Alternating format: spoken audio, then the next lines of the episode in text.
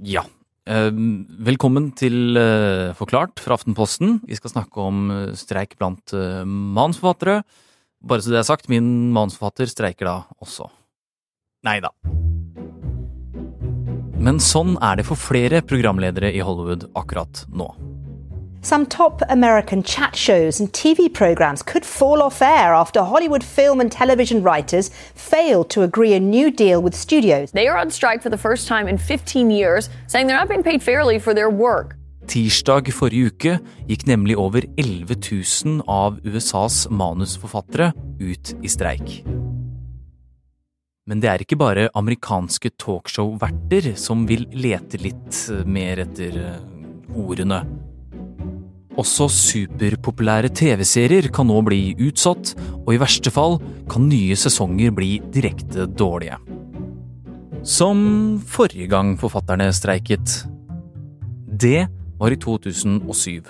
Et år som alltid vil være et mørkt år for TV-industrien. Vil det skje igjen? Du hører på Forklart fra Aftenposten. Mitt navn er Philip A. Johannesborg, og i dag er det mandag 8. mai.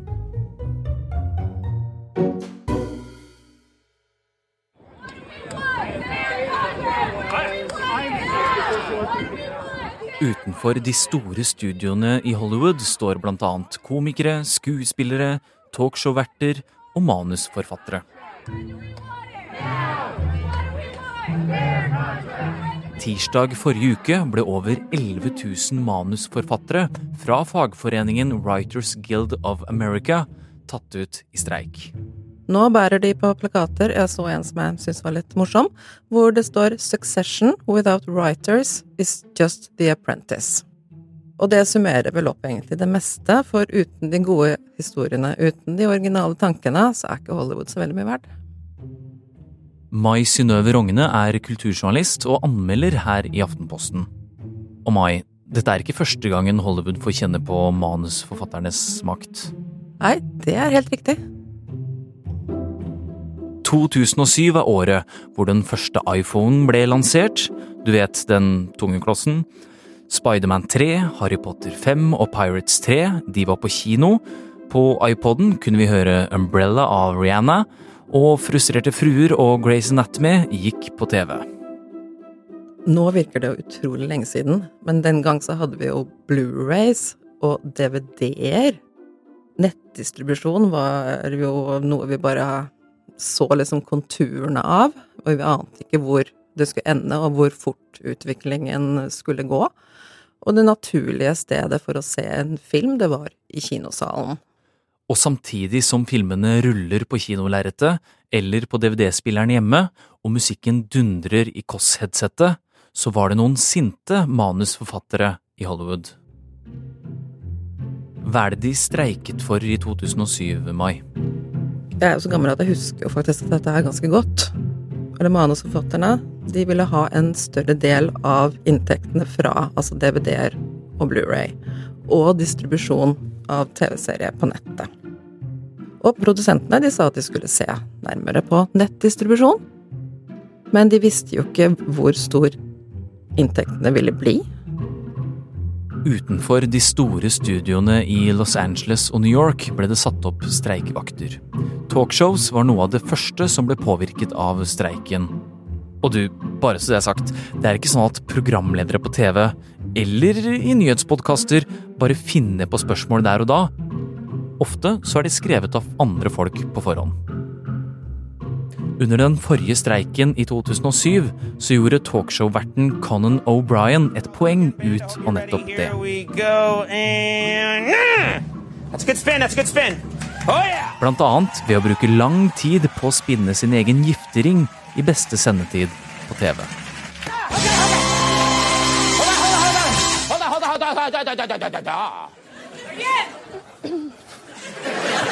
Trust me, there's time to do it again og etter talkshowene så var det såpeoperaer og sitcoms som ble rammet av streiken. Konsekvensene ble ganske store. Eh, den varte i 100 dager og førte til over to milliarder dollar i tap for TV- og filmbransjen i Los Angeles. Og nå kan det skje igjen. Men denne gangen handler det ikke bare om penger. protection against AI robots writing our scripts and eliminating our jobs as writers.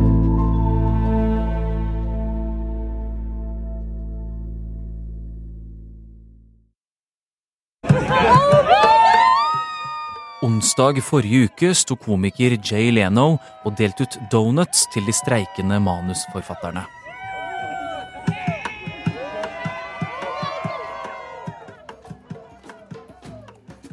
Fagforeningen for manusforfattere i USA har sendt 11 500 av sine medlemmer ut i streik. Men bak smultringene og slagord ligger det alvor. And the truth is, I think we're all worried about the impacts of the strike. Mai, hvorfor streiker manusforfatterne? Du, denne streiken skjer fordi det er uenigheter mellom Writers Guild of America, som er et fagforbund med mange amerikanske manusforfattere, og Association of Motion Picture and Television Producers. Og det er de som da representerer pengene, pengemakten, da, eller de store studioene som Disney, Paramount og Netflix. Hva er det de er uenige om, da? Det er vel som alle streiker. Det kommer an på hvilken side man, man, ser det fra. Eierne mener at de får for mye lønn og fordeler, mens forfatterne mener at den er for lav, og de har for få rettigheter. Men i bunnen så ligger, handler jo dette her om en enorm endring i film- og TV-bransjen. De må, har måttet tilpasse seg en helt ny virkelighet som preges av strømmetjenestene. Mens TV-selskapene før de bestilte 20 episoder av en sesong, så bestiller strømmetjenestene nå mellom 8 og 10 episoder. Og det har ført til kontrakt, altså kortere kontrakter og mer usikkerhet for manusforfatterne. Siden den forrige store streiken for over 15 år siden, så har det skjedd mye i filmbransjen. For siden man dro på premieren av Harry Potter og Føniksordenen i 2007, så har kinolerretet mistet noe av eksklusiviteten sin. Hollywood ble jo kontrollert av de store filmstudioene. Altså Disney, Warner og Universal. Altså de kontrollerte alt. Men inntoget av strømmetjenestene har endra hele det økonomiske økosystemet i filmbyen. Og selv om etterspørselen etter innhold er stort, så er interessen for å presse prisene ned større. Det gjør at manusforfatterne har mistet litt og litt inntekt i flere ledd, sier de selv. For i tillegg til færre episoder er manusforfatterne blitt en mindre del av selve produksjonen. Før skrev de manuset, så ble materialet testet ut mens forfatterne var der, og så kunne forfatterne tilpasse teksten videre. En sesong av en TV-serie kunne bety jobb i et halvt år. Nå derimot er manusforfatterne der bare i en kort periode. I tillegg er mye av inntekten som tidligere kom fra DVD-er eller filmer som gikk igjen og igjen på TV, blitt mindre. For nå går mer og mer rett ut på strømmetjenestene. Og inntektsgrunnlaget for en strømmetjeneste, som er avhengig av abonnenter, er veldig annerledes enn en tradisjonell kinolansering. Og Netflix og de andre, de må hele tiden fylle opp katalogene sine for å holde på deg og meg.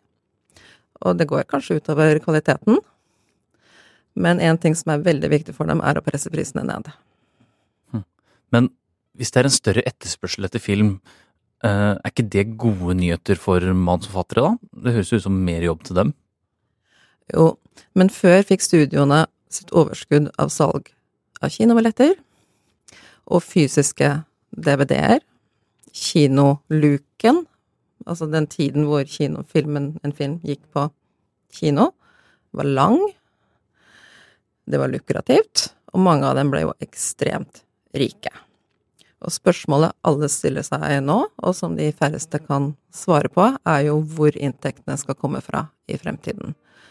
Og det vi også ser nå, er jo at gullrushet i strømmeindustrien, altså hvor Netflix og de andre pøste på med penger, virker også som å være over. Og nederst i i en lang rekke av, eh, av de som skal ha sin bit av kaka, så står manusforfatterne. Men penger er ikke alt her i verden, selv ikke for streikende manusforfattere. For forrige uke, utenfor Amazon Studios, var forfatteren Damon Lindelof på plass. Han har blant annet laget serien Lost, som fikk føle på den forrige streiken. Denne gangen streiker han med en plakat i hånden, og på den står det Alexa will not replace us. Det Lindelof sikter til, er at Alexa, altså Amazons kunstige intelligensstemme, ikke kan erstatte den jobben de gjør som manusforfattere. Og dette er en ny del av streiken. De er rett og slett redda for at utviklingen av kunstig intelligens kan være en trussel mot jobben deres. For kunstig intelligens har utviklet seg raskt de siste årene, ja, for ikke snakke om månedene eller ukene. Og vi kan jo teste det ut hvis vi skriver inn i ChatGPT at vi vil ha en åpningsscene til den nye sesongen av Friends, så kan vi jo se hva som kommer ut. Se for deg Chandler og Phoebe i Monicas leilighet. De holder på å lage mat. Phoebe, er du sikker på at vi skulle blande disse to ingrediensene? Dette ser ikke riktig ut. Åh, slapp av, Chandler. Bare kast alt sammen og kall det Chandler og Phoebes magiske måltid. Det blir en kul overraskelse. Magisk? Jeg tror den eneste magien her er at vi får alle til å løpe til toalettet etterpå.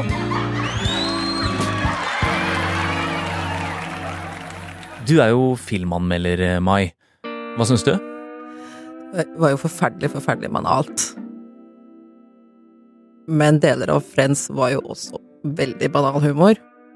Så sånn sett så tok den jo litt på kornet. Men morsomt var det jo ikke. Unnskyld at jeg sier det. Og jeg må nok gi maks terningkast to. Ok, takk. Um, det blir jo ikke nødvendigvis bra når kunstig intelligens tar rattet. På hvilken måte mener disse erfarne manusforfatterne at KI skal ta jobben fra dem? Selv om dette her ikke er på sitt beste akkurat nå, så vet vi jo ikke om det kan bli mye, mye bedre i fremtiden. Og manusforfatterne de krever at kunstig intelligens ikke skal bli brukt til verken å skrive eller omskrive litterært materiale. Eller blir brukt som kildemateriale.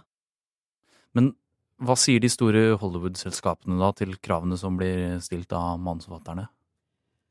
Hollywood-selskapene har kun sagt seg enig i å vurdere problemstillingen. Enn så lenge så har det ikke vært en så lang streik. Og i første omgang har sendingene til programmer som Jimmy Kimmel Live, The Late Show with Stephen Colbert og Tonight med Jimmy Fallon blitt stanset. I need, I need my writers. I need them real bad. Yeah, I got no show without my writers. Så talkshows, først og fremst, meg. Ja, og de lager jo programmer løpende, og er avhengig av tekstforfatterne. Hva med det som eh, kan vi kalle det kvalitetsserier, hva med dem? Fordelen er jo at Netflix og Amazon og de store strømmetjenestene, de planlegger veldig langt inn i fremtiden. Så det er ikke sikkert at eh, de store seriene blir så veldig påvirket av, av dette her. Og de har jo også fordelen med at de bare kan trekke opp serier fra arkivet sitt, så de har jo masse innhold, de går ikke tom med det første. Men hva blir konsekvensene hvis det blir en skikkelig lang streik da, Mai?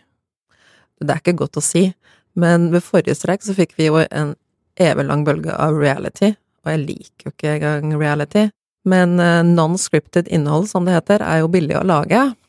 Og det er mer enn nok av folk som vil bli berømt, så det mangler jo ikke på kandidater. Men siden et av elementene i denne streiken er kunstig intelligens, så er også denne streiken ganske mye mer annerledes enn de to foregående? Det er helt riktig. Worst case scenario er jo om manusforfatterne ikke får gjennom noen av kravene sine som handler om kunstig intelligens. For det blir jo et nederlag om chat GPT stå på rulleteksten i fremtiden.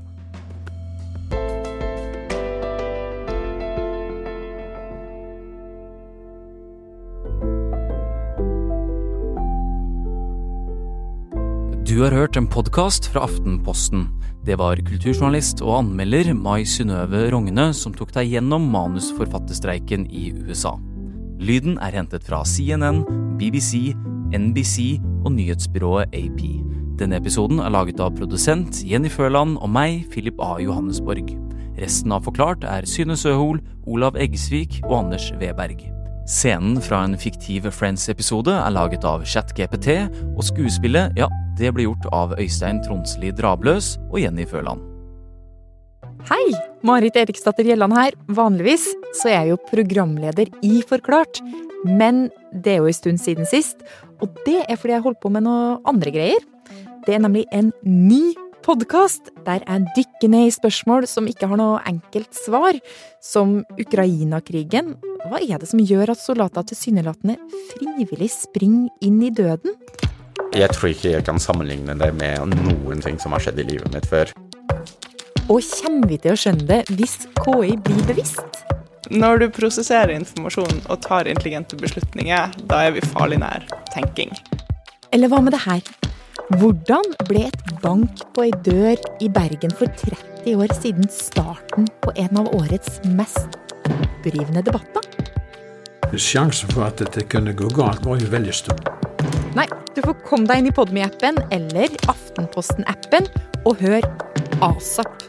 Dypdykk heter podkasten, og første episode er ut.